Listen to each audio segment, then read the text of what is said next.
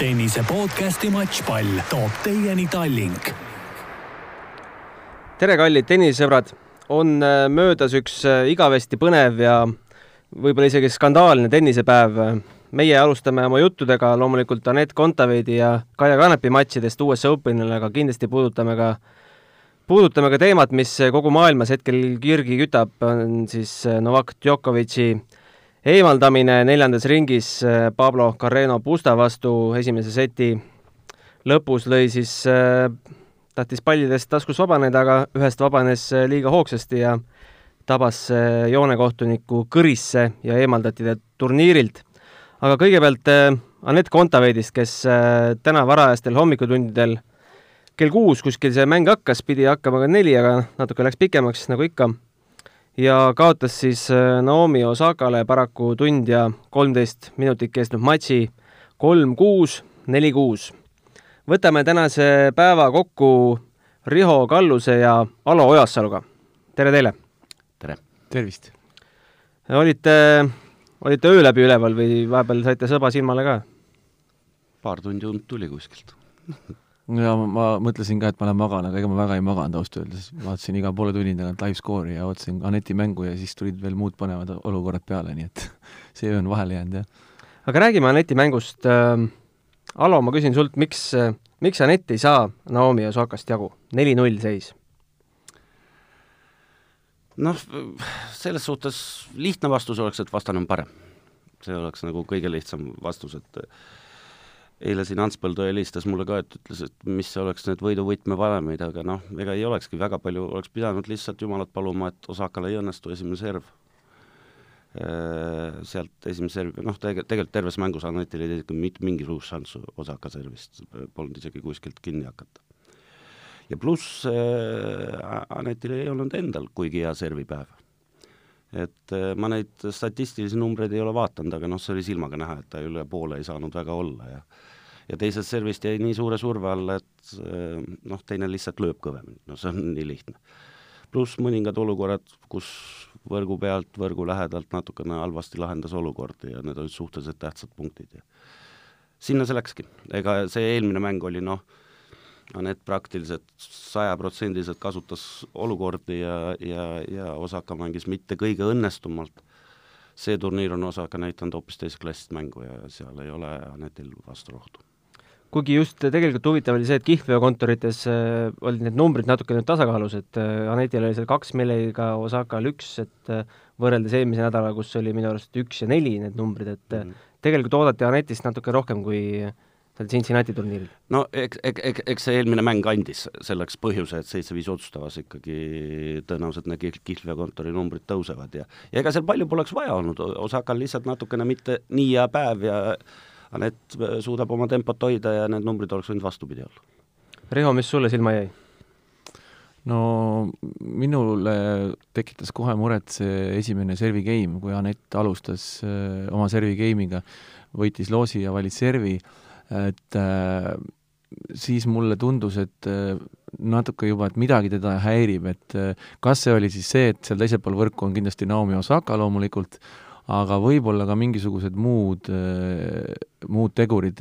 Vaadates seda turniiri ju, Naomi Osaka oli ju kõik need varasemad ringid vist kolme, neljast mängust kolm oli vist mängunud, mänginud õhtusessioonil ja Anett on mänginud kõik mängud hommikul, et võib-olla ka mängijal on väga raske niimoodi vastu ööd äh, minna platsile esimest korda, et sa oled mingis teatavas rutiinis juba sees ja, ja pead nii hilja mängima, aga jah, et et kõik hakkas pihta, ma olen Aloga nõus, kõik hakkas pihta tal äh, Äh, enda servist ja just servil oli mm, noh, see servi, esimese servi protsent oli, ma ei, ma ei oska peast praegu öelda, mis ta oli, viiskümmend üheksa. Jah, aga aga just äh, õnnetu oli võib-olla see, et tal olid sellised servivead, mis olid nagu suured servivead, just niisugune võrgupõhja vead.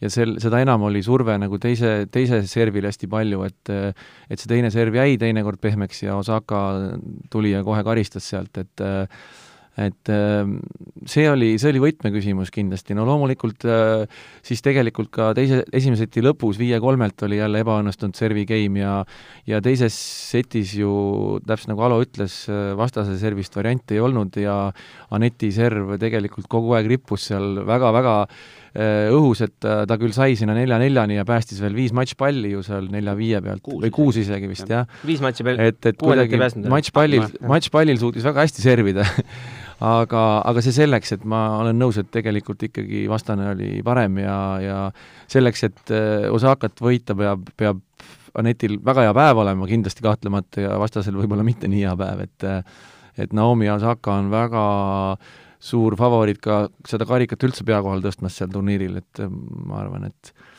et nii see võib väga vabalt ka minna.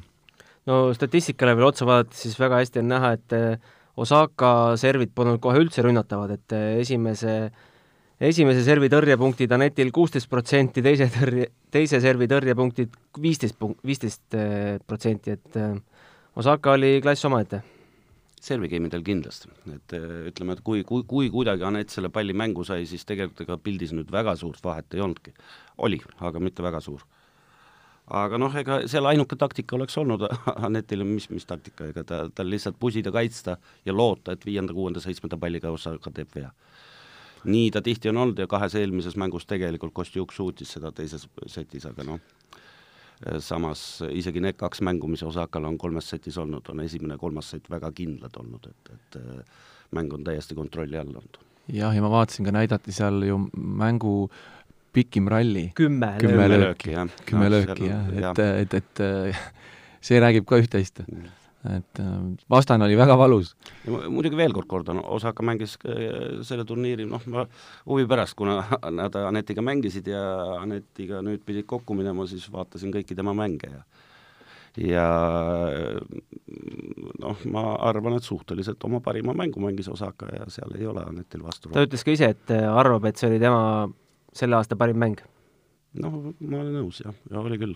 mängueelses intervjuus ju ka tüdruk ütles, et et, et sa lähed nüüd uuesti Aneti vastu, et mida peaks parandama, ütles, et kindlasti tahaks oma suhtumist parandada, et tuletas seda eelmist matši meelde. ja no absoluutselt äh, täiesti kõikumatult kogu mäng mängis, et jah, ei olnud ühtegi sellist auku, nagu eelmises mängus ikkagi oli, et et eh, noh, see olekski olnud Aneti ainukene, et Osaka kuskil läheb tujust ära, nii nagu Kostjuki vastu see teine sett oli, mingisugused väiksed momendid, väiksed mõõnad, aga aga isegi siis oleks raske olnud uskuda, noh, okei okay,, ilusam oleks olnud kolmesetine mäng. jah, noh, ütleme muidugi kripeldama jäi see, et seda viite-viite oleks tahtnud vähemalt näha, et Just. selle oleks võinud ära Jah. näha, aga see Jah. muidugi ei tähenda ka veel midagi, et Mhm. et sealt oleks noh, ei tea. no nagu eelmise Cincinnati turniiril nägime, et need kõikumisi pärast seda, kui Osakal ei sujunud kõik hästi, ikkagi oli, et oleks saanud ma arvan, et Anetil oleks kolmandas ikka šanssi olnud. nojah, see kõik, kõik sõltub, kuidas sett minema läheb ja, ja, ja, ja noh, need on kõik sellised asjad, et mida ette ei tea, see olukord peab kõigepealt tekkima. täna, täna oli ikkagi niimoodi, et Osakal olid algusest peale asjad kontrolli all, ma usun, et ta tundis ennast nii hästi oma servil, ma ei tea täpselt, minu arvates Anett äh, breikpallini ei jõudnud. ei, null. ei jõudnud, ei jõudnud jah. seal vist isegi kas tasamäng oli, aga noh, võib-olla ükskord oli. aga noh, huvitav oleks kindlasti, kui Anett ära magab, kuulata Aneti kommentaare, et ma olen päris kindel, et ta oma esitusega rahule ei jäänud, et äh, midagi ja teda ei olnud kõige parem ei olnud kindlasti nii kõige parem noh, eile esitus. mõtlesime, et ainukene võimalus on Aneti Mm. noh, ütleme võrreldes jah, selle turniiriga ei olnud parem mm. esitus, aga ka mitte halb. ma veel kord kordan, kõik kolm mängu, mis Anett tegelikult peale koroonat on kaotanud, tegelikult on kõik head mängud olnud. jaa, no et kaks korda Osakale ja üks kord finaal. ma siia torkan vahele, et Aneti kommentaari meil ilmselt ei ole lootustki saada, sest äh, Eesti ajakirjanikud jäeti täna pika ninaga kahjuks, et äh, see Whatsappi süsteem, teavitussüsteem lendas neil mingi hetk up, uppi ja siis, kui, siis kui avastasime, oli juba Anett oma kommentaarid ära jaganud seal mingis väikses ruumis, et äh, saime ainult Osaka transkriptsioonile käpad taha. kurb jah. Aga no loodame, et teeb äh, Facebookis mingi avalduse, et äh, tore oleks ju lugeda kas või nii-öelda oma kirjutatud kommentaari. aga rääkides teistest mängudest, siis ta alustas ju turniiri vägagi hästi, et äh, noh, esimene mäng küll kolmesetiline võit Collinsi üle, aga edasi Giovanni pistis kotti kuus neli, kuus neli, kuus üks ja Magdalinett noh, tundus, et tal oli ikka mingi vigastus või midagi, midagi seal tõsisemat, aga kuus-kolm, kuus-kaks, need numbrid, no see Aneti seeria tegelikult sel aastal peale koroonapausi on olnud ju võimas. on küll, on küll ja, ja head esitused ja isegi see Collinsiga kolm setti, noh, tegelikult asjad olid kontrolli all, ütleme. Noh, mul isiklikult ei tekkinud üheski kolmes mängus ühtegi, vaatamata selle ebakindlused mingis kas kolmanda mängu alguses ja nii edasi, aga noh, tegelikult olid Anetil kontrolli all asjad ja ta oli kindlasti kõigis nendes kolmes mängus parem mängija väljakul. aga noh, Osaka jaoks jõudu ei jätkunud no Anett räägib ka ise peaaegu igas intervjuus, et ta tunneb ka ise edasiminekut igas elemendis, aga no maailma top kümne vastu, mis, mis on see element, millest jääb veel puudu? noh, Eurospordi kommentaatoril oli eile üks hea lause, et, et noh, et, et Anett on tõestanud kindlasti, et ta on maailma kahekümne mängija. nüüd ta peab enda käest küsima, et kas tal on sisu ja asja maailma kümnesse minna et seal on kindlasti väga palju muid asju ka, et, et on seal maailma kümne hulgas olnud märksa puhttehnilise, füüsiliselt äh, palju nõrgemaid mängijaid kui Anett ja seal on see mingi selline väike asi, et noh, esiteks peab õnne olema, loomulikult mingisugusel suurel turniiril kuskil läbi astuda ja noh, vastavalt sellega ka siis hakata tulevikus paigutusi saama, et Osaka-sugused mängijad ei tuleks kuueteist hulgas vastu. ja mina arvan, et see juhtub see on, see on kuskil siit, enesekindluse asi, eks muus osas noh, mina ei tea, füüsiline on teinud hobusehüppe või ma ei tea, kuidas öeldakse vist mitte hobusehüppe, aga, aga noh. hobune hüppab ka kõrgelt. jah, aga kõik noh, natukene võib-olla on serv vahest kõikuv väheke, on ju, mida ta täna ei olnud kõige parem, on ju. natukene võrgu juurest punktide lahendamise, see on jäänud ikkagi nõrgaks kohaks kuidagi ebakindlalt ja, ja, ja tihti vastased loevad seda ette ja aga muus osas ta on teinud väga-väga suure sammu, väga suure sammu peale seda eelmise aasta viirushaigust ja, ja mina ei tea, mina olen küll optimistlik, et äh, ma arvan, suhteliselt lähiajal nüüd kolme-nelja kuuga meil on veel kaks Grand Slami, noh, ma loodan, et on et äh, me näeme veel väga palju ilusaid mänge. Riho, oled nõus, et äh, Anett ja Nigel on teinud äh, ikka supertööd selle koroona ajal, olgugi et Äh, distantsid on võib-olla suured olnud?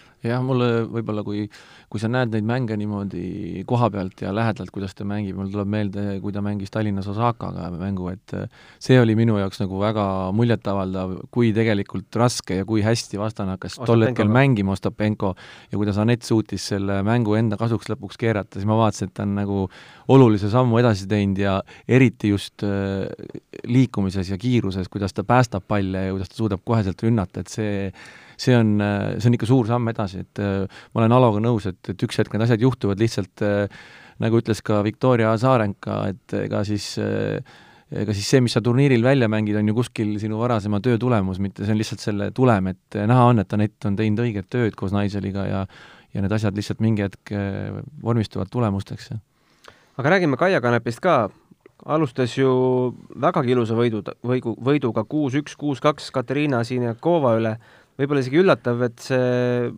jõudude vahekord nii suur oli mm,? Noh, selles suhtes, no kindlasti Kaia mängis hästi selle mängu, aga, aga aga teine, noh, teise mäng jättis ikka kõvasti soovida, selles suhtes ma arvan, et oligi Kaial nagu natukene halb, et selle pika-pika perioodi peale ta sai ühe mängu, mis noh, noh, ei olnud nagu mäng, on ju. Eile seal ka kommentaatoritega ma olin nõus, et Osaka suur pluss on see, et ikkagi palju mänge ja, ja sõidetakse sinna võistlusrütmi jälle sisse, noh, Anetilgi on täpselt sama. ma arvan, siin üks tugev kolmteist, neliteist, viisteist mängu on tulnud siin kolme-nelja nädalaga. aga Kaial oli see puudu ja noh, ütleme, et see on nii väike asi, et sa pead tunnetama, et sa oled mõnusalt väljakul, on ju, et see ei ole nüüd kuue kuu ootamise tulemus, vaid, vaid see on selline üks tavapärane asi just, et, et ma lähen, teen oma parimat sooritust ja asjad. ja muidugi õnnetuseks see Jabor on nii heas vormis ka ja, ja Jaburi vastu siis jah, kuus-seitse ja null kuus. jah, oleks võinud fantaseerida, oleks ta esimese seti kätte saanud tiebreak'is kuus-neli, noh, kõike võib juhtuda, aga, aga seekord läks sedapidi noh, seda sai küsitud ka Kaialt seal pressikonverentsil, et äh, kui sa oleksid need, nendest kahest settpallist ühe ära kasutanud, kas sellest oleks võinud tulla teistsugune mäng, siis ta ise ütles, et et väga ei usu, sest Jabur mängis ikka väga hea teise seti. nõus. ja natukene, ütleme, kuidas kuidas see öelda, seti kaotusega Kaial läks natukene mast maha ja sellel tasemel mängudes, see, see on nii väike asi, mis, mis paigast ära lihkub oleme siin juba näinud meeste mängudest ja eile samamoodi Kvitova mängust, on ju, kus kus äh, üks oli tegelikult parem mängija väljakul, aga, aga, aga piisab, teine lihtsalt võitleb, punkt siin, punkt seal ja Rodgers on veerandfinaalis jah, vaadates ka seda, nelja matšpalli pealt vist. vaadates seda Kaia teist mängu, jah, mulle nagu jäi just nagu see noh, mulje, et äh, Kaia, see ei ole Kaia mäng, kus Kaia peab jooksma ja päästma hästi palju, et äh, Kaia on ikka see, kes ründab, et ta, ta pidi meeletult tööd tegema ja, ja lõpuks ta mingi hetk ei olnud enam piisavalt kiire, tal oli päris raske. et see liikumine ei olnud kõige parem, et äh, jah, see vastane oli teravam et Kaiat me teame ju, Kaia on suur lööja, kes ikkagi ise jooksutab vastaseid, et äh, kuidagi nii see mäng kulges, jah. no vastane mängis ka eelmine nädal väga hea turniiri, vist kui ma nüüd peast niimoodi tulistan, siis mulle tundub, et kaotas vist Azarenkale ainult või? kes on väga heas vormis praegust ja, ja jah, veerandfinaalis Azarenkale. jah et äh, Cincinnatis, jah. et, et äh, noh, mina nagu natuke kartsin seda juba ette, sest ta lihtsalt mängib hästi praegust vastane ja noh, mis seal ikka, see oli üks turniir, loodame kohe Prantsusmaa omad tulevad otsa. nojah, küsisime Kaialt, et kas ta Itaaliasse ka läheb, ta ütles, et ta vist ei jõua, arvestades, et sealt äh, USA-st tuleb natukene vara ära tulla, et seal Itaalias tahavad vist, et oleks juba, vist tahavad, et oleks juba homme kohal ta ütles, et teisipäeval peaks, peaks nagu kohal olema, see eeldab ka seda, et ma arvan, et Anett ei jõua sinna. ma ei tea, kas mingisuguseid erandeid tehakse. äkki tehakse mingi erand, jah? ma arvan, küll, sest et see ei tundu, tundu muidu nagu väga loogilisena, teise nädala samamoodi meestele, et, et kuidas ATP tuhandet mängitakse, kui paarikümmend paremat mängijat ei lasta, nii et pigem, pigem ma arvan, seal on mingid erandid. aga Kaia puhul tahan veel lisada, et Kaial on mänge vaja, tal on, tal on natukene vaja matše ja noh. aga ta ise pigem ei taha neid võtta, on jäänud nagu mulje, et mm, nojah, seal ma tean, et selle Cincinnatiga oli vist, et ta ei vist ei noh, et oleks ta põhist saanud, aga ta sai, oli kvalis, et, et siis lihtsalt puhtfüüsiliselt ei jõudnud sinna Ameerikasse või midagi sellist. aga mina arvan, et tal on vaja seda mängupraktikat vähe lihtsalt ja sellepärast võib-olla see seitse-kuus, kuus-neli tiebreaki olukorrad kipuvad ära minema. aga vaatame siin naiste tabelile otsa ka Naomi Osaka pääses siis veerandfinaali, kus tuleb kohtuda Shelby Rogersiga, kes eh, üllatas Petra Kvitovat kolmes setis. teises veerandfinaalis, mis on juba selge, on Jennifer Brody, ameeriklanna Kasahhitari Julia Putintseva vastu, kes eh, võttis siis eh, tabelist välja Petra Martitši ja, ja ka teisel pool ei ole veel veerandfinaalil paarid selged, seal tuleb kõva lahing kindlasti Maria Sakari ja Serena Williamsi vahel kaheksandikfinaalis ja Viktoria Azarenka, Karoliina Muhova saab ka kindlasti olema Eesti fännide jaoks äh, päris, äh, päris magus kohtumine, arvestades, et äh, Muhova sai siin Anetile saatuslikuks ju eelmisel aastal French Openil. ja Elise Mertens, Sofia Genin, ma arvan, et tuleb ka päris hea mäng. noh, nõus, nüüd on selline kummaline olukord nii meeste kui naiste tabelis, et tegelikult äh, naistel on siis top kümnest kolm mängijat järgi ja, ja, ja, ja meestel ka seisund väga, väga, väga, väga segased. mitte ükski mees ei ole Grand Slami võitnud kunagi. ma vaatasin, et veerandfinaali mängib edu, äh, mitte edetabeli, vaid paigutuse kakskümmend kolm ja kakskümmend kuus, kes siis reaalselt on kolmkümmend, nelikümmend edetabeli kohad, et kes naistest äh, jõuavad finaali? minul on omad favoriidid olemas, äh, ülevalt kindlasti Osaka. alt? Alt ehm, noh, ma suhteliselt algusest peale olen pakkunud Azarenka Williamsi poolfinaali. Mm,. hing on veterani poolt, jubedalt tahaks Serena kaks tuhat kaheksateist finaali kordus, US Open. oleks tore ja seekord lõpeks äh, teistpidi või? Noh, rääkimata sellest, et äh, võimalus rekordit püüda. kahtekümmend slämmi. Margaret Cordi kakskümmend nelja slämmi, kahtekümmend on Roger. Nii et see on veel muljetavaldavam tulemus jah, ja kõik selles Serena mängus, nii nagu ta selle viimase mängu nüüd äh, peale kaotatud seti, mul on tunne, et ta on nagu vaimselt natuke tugevamaks läinud, et, et siin vahepeal need Grand Slamide finaali kaotused olid sellised noh, mulle tundusid nagu natuke pirtsutamise tulemused. ja kahtlemata on see aga, turniir palju parem mängu läinud. on kaotatud, suhteliselt kindla kaotatud esimese seti pööras ümber ja kaks seti kindlalt alla ja ja mina arvan, mina arvan ka jah, kuigi noh, Azarenka on heas vormis aga noh, Serena kogemused, mida saab öelda, Azarenkal on ka neid kogemusi, mitte et ei ole, aga aga põnev, põnev, põnev. tahaks jah, seda poolfinaali tahaks näha küll, jah jah. aga tuleme siis meeste juurde, tegelikult olid kuni täna südaööni oli konkurentsis ka seitsmeteistkordne suure slam'i tšempion äh, Novak Djokovic, aga juhtus siis nii, et mängis ühe kehva serva, servi game'i, jäi äh, Pusta vastu viis-kuus taha, ta selles game'is vist äh, libastus ja natukene vist tegi endale viga ka ja pärast tuju oli natukene paha ja lõi selle palli, lõi siis sellise kaarega, et tabas naissoost joonekohtuniku kõrisse. nägite seda laivis ka? nägin küll, jah. ütleme, et tähendab, seda, seda laivis ei olnudki näha, et, et see pall just kõri tabas, aga näg, laivis sa nägid ju mängijate näoreaktsioone. kas sa said aru, et seal on kohe minek?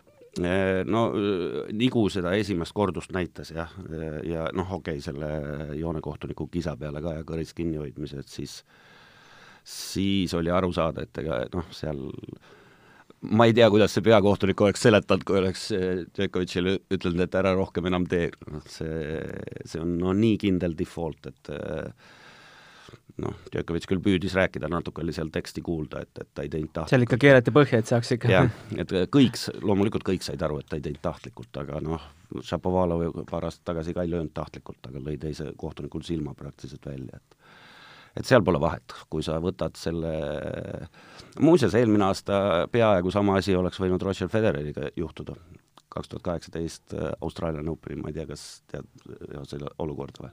võid Ka lahti rääkida? kaotas game'i, hakkas jalutama oma noh, istumiskoha poole ja täpselt samamoodi vaatamata äh, tahtis lüüa nagu palli, noh tavaliselt nad löövad ikkagi taevasse üle tribüüni äärde aga ta lõi nii madalalt, et üle fännide pea mingi meeter või, või, või noh, võib-olla oli natuke rohkem, aga, aga ta lõi siiski täiesti jõust ja ütleme, loomulikult ta sai hoiatuse sellest, aga aga ma ütlen, et see on noh, Zverev ütles selle kohta ka hästi, et Djokovicil enam hullemat ebaõnne ei olnud saanud olla, et viis senti kõrvale ja oleks tulnud tavaline hoiatus ja asjad, aga, aga noh, see õnnetu joonekohtunik sinna suunas ei vaadanud ja pall tuli ootamatult ja otse kõrvi ja, ja nojah, punkt oli mängitud, sa võidki vaadata ringi, et oligi niisugune väga halbade aga muidugi müstiline olukord, kui te, kui te mäletate, siis viie-nelja pealt Djokovic lõi ka täiesti jõust, lõi palli sinna ja noh. Hawkeye vist äh, kaamera poole pani ka jah, et, et noh, see on, see on uskumatu tegelikult, kuidas maailma esireket endale selliseid asju lubab, et noh, see on sõnul kirjeldamatu. Ja, ja nagu Villander ütleski, et et tema viiekümne-aastase tenniseajaloo jooksul ta ei oska ühtegi paralleeli tuua, et noh, no, ütleme, et lihtsalt rumalus, no nii, nii ei saa teha Grand Slami kuueteist hulgas. Riho, mis sinu reaktsioonid? jah äh,, nagu Alo ka ütles, ega see situatsioon oli äärmiselt õnnetu ja, ja, ja noh, absoluutselt mittetahtlik äh, olukord äh, äh, sinna eelnes muidugi natuke selles mõttes kummalisi, kummalisi nüansse veel, et tegelikult see see oli viis-neli kolmkümmend null, kui Djokovic kukkus, on ju, ja noh, niisugune väidetav õlavigastusega, see noh, see tundus ka natuke kummaline minu jaoks, et ta, ta juba oli natuke vist seal väikse kerise peal ja kuidagi nagu no ei olnud see nagu väga, väga loomulik, see kuidagi see medicali võtmine ka seal, et ta midagi teda nagu juba eelnevalt häiris päris, päris, päris palju aga jah, ega seal ei olnud, tegelikult öeldi küll, et kümme minutit äh, vaieldi ja räägiti, tegelikult otsus tuli ju koheselt, pigem äh, turniiri peakohtunik lihtsalt viisakusest ju kuulas Djokovic'i ära ja ja ütles no, küll, kurb, kurb, kurb olukord ja kõik, aga mis mind äh, mis mind, mind nagu natuke kripeldama jättis, oli tegelikult see Djokovic'i käitumine pärast seda situatsiooni, et et kui sa selles situatsioonis räägid, et minu Grand Slam ja minu punkt, see nagu, see oli natuke kohatu ja loomulikult ka siis äh, pressi ees mitte vabandada, et lihtsalt minna ja auto uks kinni lüüa ja ära jalutada. see oli, see oli, see oli, see oli nagu noh, sellega ta kaevas endale natuke auku, et, et sa tead neid reegleid ja, ja see lihtsalt oligi halb õnnetus, aga, aga, aga see, mis pärast seda toimub, see on, see on sinu teha, et, et et selle koha pealt ma just tahtsin, tahtsin võib-olla ka mõningaid ju, me teame ju neid olukordi on siin, Alo kindlasti ju neid õnnetuid olukordi on juhtunud veel ju, kaheksakümmend kolm, kui Edberg mängis äh, noorte juunioride US Openi finaalis ja tabas äh, joonekohtuniku kubeme piirkonda palliga, joonekohtunik selle peale kukkus, kaotas tasakaalu, kukkus kukla peale ja kaks päeva hiljem suri, on ju. et neid olukordi on ju olnud ja kaks tuhat kaksteist, kui Nalbadjan mängis Queensi finaalturniiril ja läks reketiga, lõi selle joonekohtuniku reklaambänneri katki, aga sealt mingi tükk lendas vastu jalga ja noh, loomulikult disklahv, ega seal midagi, midagi teha ei ole. no Edbergil ei olnud disklahvi selles Edbergil ei olnud tol hetkel. mängu, mängusituatsioon. tol hetkel ei olnud, aga ja siis noh, ma tean ka, siin oli ju äh, paar aastat tagasi oli selline kurb juhus, oli noh, sa kindlasti võib-olla mäletad sellist Rootsi tennisisti nagu Patrick Rosenholm, ta küll mängis rohkem futures tasemel seal kolmsada ATP, aga mängis Challengeri turniiril äh, ka läks niimoodi noh, närvi ja viskas reketi fooni, aga siis mitte küll foon, aga siis oli nagu rohkem siis nii-öelda kangas või niisugune pehmem kangas ja selle fooni taga oli teine mängija mm, -hmm. kellel selle tulemusena oli kaks esihammast ja, ja õmblemine ja, ja mees lõpetaski karjääri peale seda et ma just mõtlen, et kuidas nüüd äh, Novaki edasise karjääril niisugune situatsioon mõjuda võib, et see võib päris, päris ebameeldiv olla. praegust, praegust on äh, nagu minu, minu arvates oma käitumise ja asjadega ta on nii palju eksinud viimasel ajal, ütleme, et äh, ütleme, et see Adria tuur oli kõik fine ja tore üritus, on ju aga just see no, koroonapauk. ütleme, et isegi noh, koroona võib-olla ka õnnetu, okei okay,, neid pidusid ei oleks pidanud korraldama seal ja kõik nii edasi, aga kuidas sa käitud, kui see olukord välja tuleb? jälle põgenemine kaks-kolm päeva äh,, jälle mingi kommenteerimine, siis tulla välja, okei okay,, faktiliselt küll vabandada, aga kohe seejärel öelda, et minu, minu järel et oleks on, samamoodi teinud? et minu, jah, et minu järel on korraldatud mingi nõiajaht ja ütleme, lõpmatu üks süüdlase otsimine sinna veel kõrvale vanemate ja ma olen absoluutselt nõus eile Eurospordi stuudio sellega, et need on ka põhjused, miks ta võib võita rohkem Grand Slam'e kui Federer ja Nadal, aga temast kunagi ei saa Federeri ja Nadali. mina ise ennustan ma ei tea, kas, kuidas see reeglitega ja üldse nagu asjadega kokku läheb, et ta enam ei tule see hooaeg väljakule? tuleb küll, ta on, ta on nii nahaalne. ta on piisavalt nahaal, ma just tahtsingi öelda, et ta on piisavalt nahaal, et ta ei põe niisuguseid asju. ma arvan küll, et võib nii olla. ma arvan, ta on järgmine päev, tähendab järgmine nädal Roomas platsil, et äh, kindlasti on tal praegust noh, jälle noh, eks sekkuvad mingid PIA tegelased ja asjad, et eks ta jälle homme-ülehomme ilmub mingisuguse äh, ilusa sellega, kui halvasti tal läks ja, ja nii edasi ja nii edasi ja kus ta väga harva näeb oma süüd asjadel. jaa, aga, aga see reaktsioon koheselt koha peal, see oli õnnetu, noh, siin ei ole midagi no,, midagi muidugi, teha. noh, ekstreemselt, ekstreemselt rumal ja õnnetu, noh, tegelikult äh, veel hullem asi oli kaks tuhat viis äh, Tim Henmaniga Wimbledonis, kodupubliku lemmik. noh, ütleme, et äh, tollel ajahetkel ikkagi Inglismaal ainukene, kes oskas üldse tennist mängida, on ju ja Wimbledonis võeti maha vist esimese või teise ringi mängus, kuna selja tagant niimoodi lõi volle, pall põrkas võrku, selja tagant lõi ja samal ajal pallipoiss alustas jooksmist. niimoodi, et ta ei näinud, et pallipoiss jookseb, aga jälle, sa lahmisid palliga. õnnetu, et pallipoiss sellel hetkel jooksis sinna palli ette, aga kodupubliku lemmik ja mitte mingit muud võimalust ei ole reeglite järgi, lõid pihta, sorry, turniir on läbi. no ise mõtlesin, et oleks see Djokovic'i mäng toimunud kõrvalväljakul, mitte peaväljakul, siis poleks seal ju joonekohtunik olnudki, et ma ei räägiks praegu sellest. nojah. automaatselt joonekohtunikku tabada pole võimalik. aga mis te arvate, tuleb siit mingi trahv ka või? ei, tuli juba. tuli juba või? tähendab, seal on, seal on automaatsed asjad, kui sellise asjaga võetakse maha, sa jääd ilma kõigist auhinnarahadest, mis, mis tema puhul selle mm -hmm. ringiga võrdub veerand miljoni dollariga, ei olegi väga väike kaasa arvatud punktid. ja, ja punktid pluss ja nii ATP-l kui kõigil on nõus, e, e, õigus veel eraldi määrata, kindlasti saab väga korraliku trahvi, see on aegade jooksul tõuseb sellepärast, et ta pressikonverentsil see oli läks. juba, jooksis läbi, minu arust see oli kas kakskümmend tuhat, see juba oli ka, sellest on trahv määratud, jaa. ja ma arvan, tal sinna poole miljoni juurde koguneb ja, ja võib-olla see proua esitab ka mingid haigla äh, arved ja noh, ega, ega odav lõbu see tal ei ole. ütleme, see PR Black kokku võib päris kalliks minna maksma, jah, kui need otsesed summad. Riho, kui sa oled jälginud, kas äh, antakse Twitteris teada, mis sellest naisest edasi sai?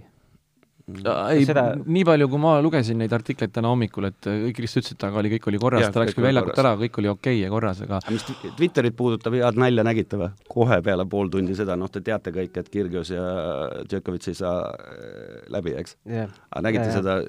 Kirgiose postitust? et küsimus, et mingisuguse mälumängu küsimus, et et kui Kirgios oleks tabanud, oi poissi, et mitu aastat disklahvi ta oleks saanud, viis, kümme või viisteist? või, või kakskümmend. Kirjas ise postitas või? tegi sellise mängu nagu, et vastuse variandid kolm tükki. kakskümmend oli konkurentsitult äh, no eks see mees paneb ka üle alati noh, aga neil on põhjust, neil on see omavahelist jagelemist on mitte vähe. jah jah, aga meesteturniirilt, mis teile veel see turniir on silma hakanud, et äh, mõned päris kõvad tipud on puudu, et äh, siin räägitakse, et mõlemas turniiris räägitakse, et kes selle võidab, siis äh, tuleks ajaloo annaalidesse tärn ikkagi juurde panna. Noh, ongi ju, nüüd on, nüüd on see juba kindel, et aa, selles, sa pead silmas seda, et ei ole täisväärtuslik võit.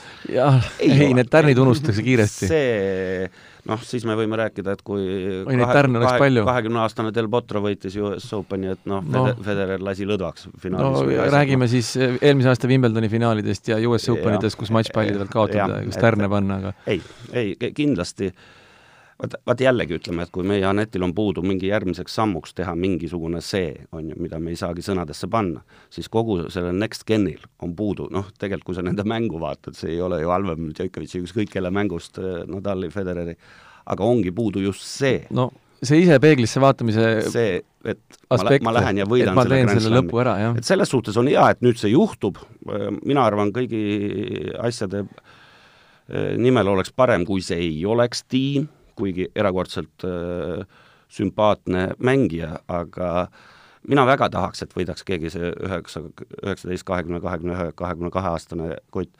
siin on, siin on, mina olen näinud isiklikult vaimustavaid mänge siin, no ma ei oska seda tänase päevani selle Felixi perekonnanime kanadalase hääldada. Noh no,, ma luban, et ma õpin selle ära, kui ta US Openi võidab. aga noh, lihtsalt vapustavad äh, mängud tema poolt Sverev tundub äh, ekstreemselt hea. Noh, ma ei taha siinkohal rääkida Tsitsipase ärakukkumisest, noh, meeste tennises sellist juhtub ikka ekstreemselt harva. aga noh, samamoodi Tiafo ja ja, ja noh, minu vaieldamatu lemmik Medvedjev muidugi, temale ma hoian kolme käega pöialt.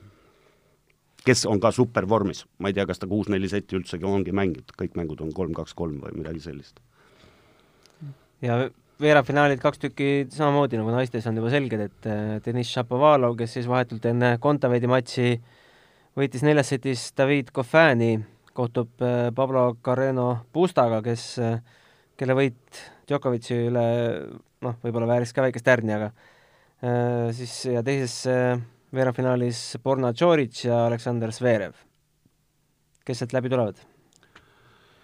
minu pakkumine Zverev, Šapovalov ja finaalis Veerev. aga teisel pool on äh, seisud veel üpris lahti ja nagu sa ütlesid, et äh, no väga väga lahti, ma ainukene, keda ma julgeksin siin siiski poolfinaali panna, on Medvedjev, ja noh, ega vist midagi ei ole teha, noortel vist tiimi vastu seda kogemust panna ei ole, nii et Medvedjev tiim poolfinaal,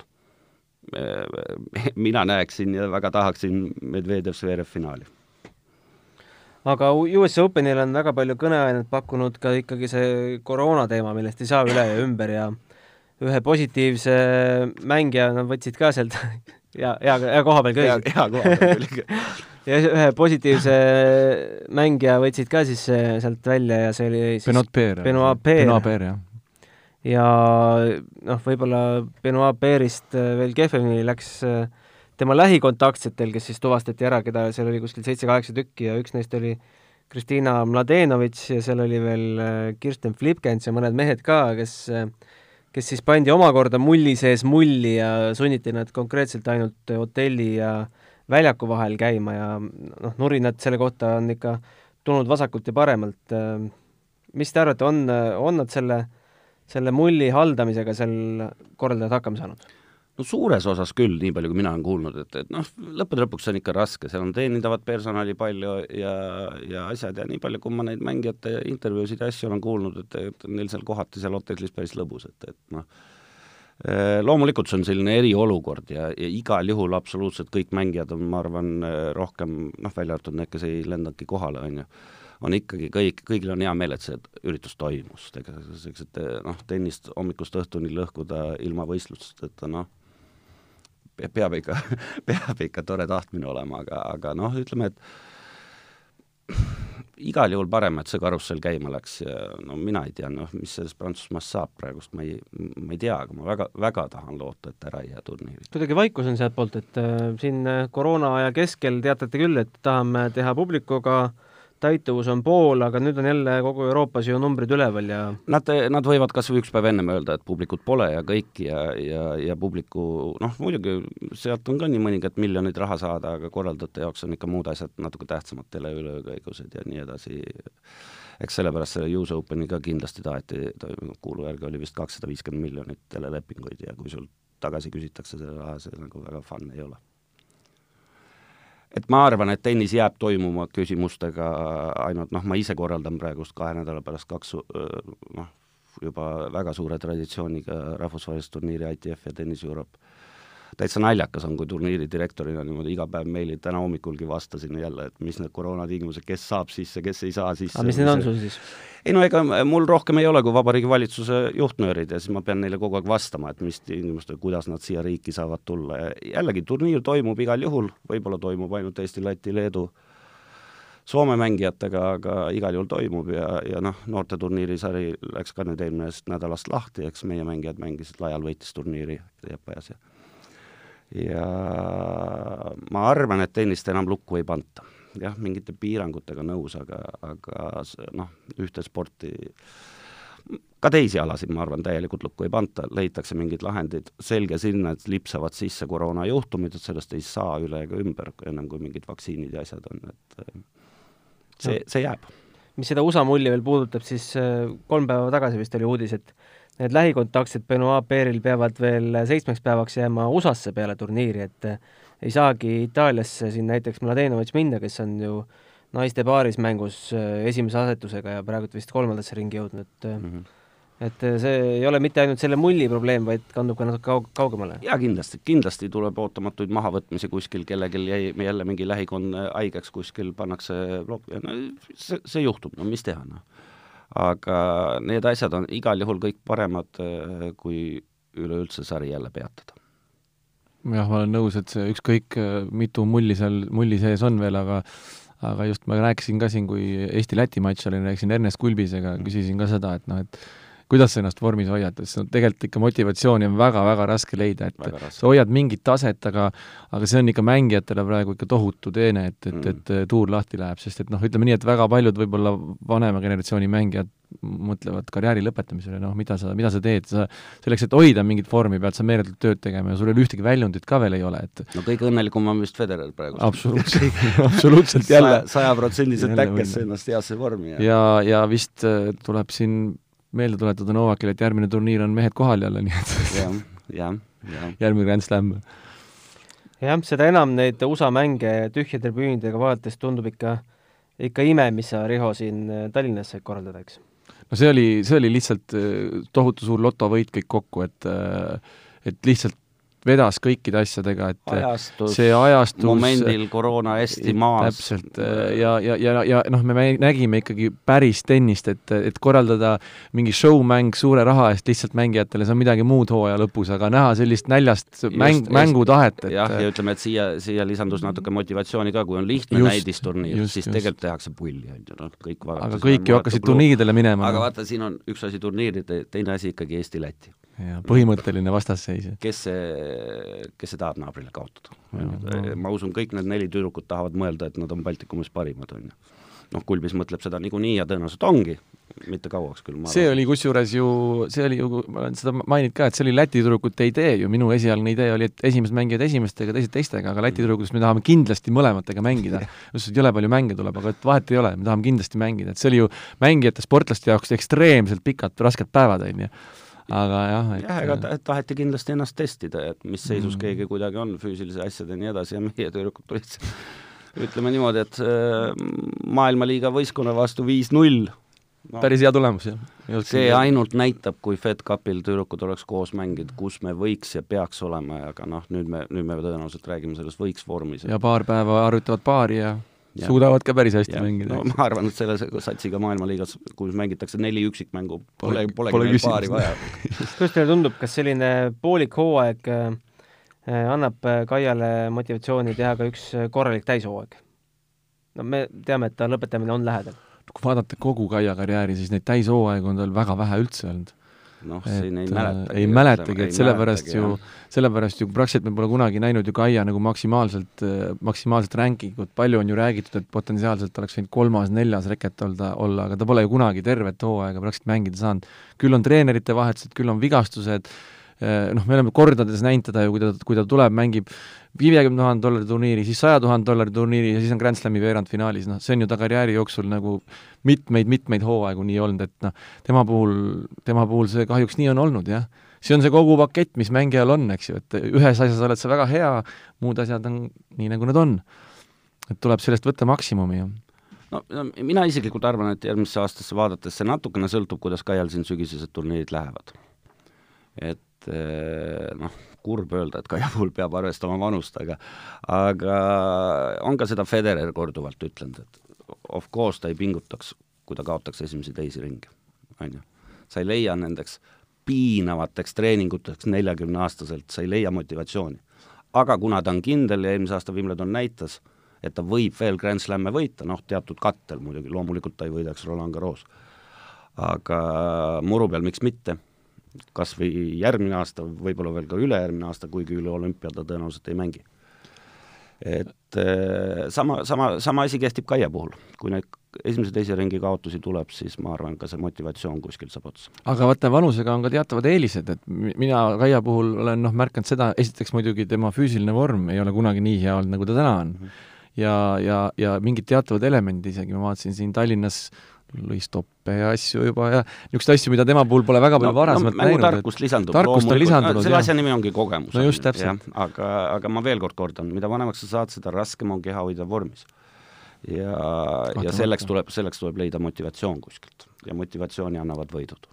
ma viskan siia sellise õhku sellise fantaasiaharjutuse, kui Kaia ja Aneti parimad omadused kokku panna, kas me saame maailma esireketi mm.? Nojah, millist maailma esireket nüüd võtta. no Steffi Grafi tasemele me ei küündiks tõenäoliselt, ütleme, vist tõenäoliselt Serena tasemele ka, aga maailma esireketeid viimase Osaka saame kokku? saame küll, saame küll, muidugi. natukene Anetile seda Kaia Powerit juurde panna ja, ja, ja, ja, ja kahtlemata, üleüldse mitte kahtlust ja neid maailma esiraketeid on olnud praegust viimase viie aasta jooksul igasuguseid. Niimoodi, et nendest on praegust meie tüdrukud teatud olukorras isegi ilma kokku panemata paremad, et et ma, ma ütlen Aneti puhul veel kord, natukene õnne, natukene tabelite asjadega õnne, õige mäng õiges kohas õnnes-, õnnestumine, võib-olla mõni turniirivõit, väiksem turniirivõit, see lisab metsiku enesekindluse, kuskil kas või tänu tabeliga roomata läbi Grand Slami kuskil poolfinaali või asjad ja olek on teine, enesekindlus on teine ja siis võib ka Grand Slami finaali, äh, võitu oodata, miks mitte, no Ostapenko, no ei ole nii kosmoseteadus ju.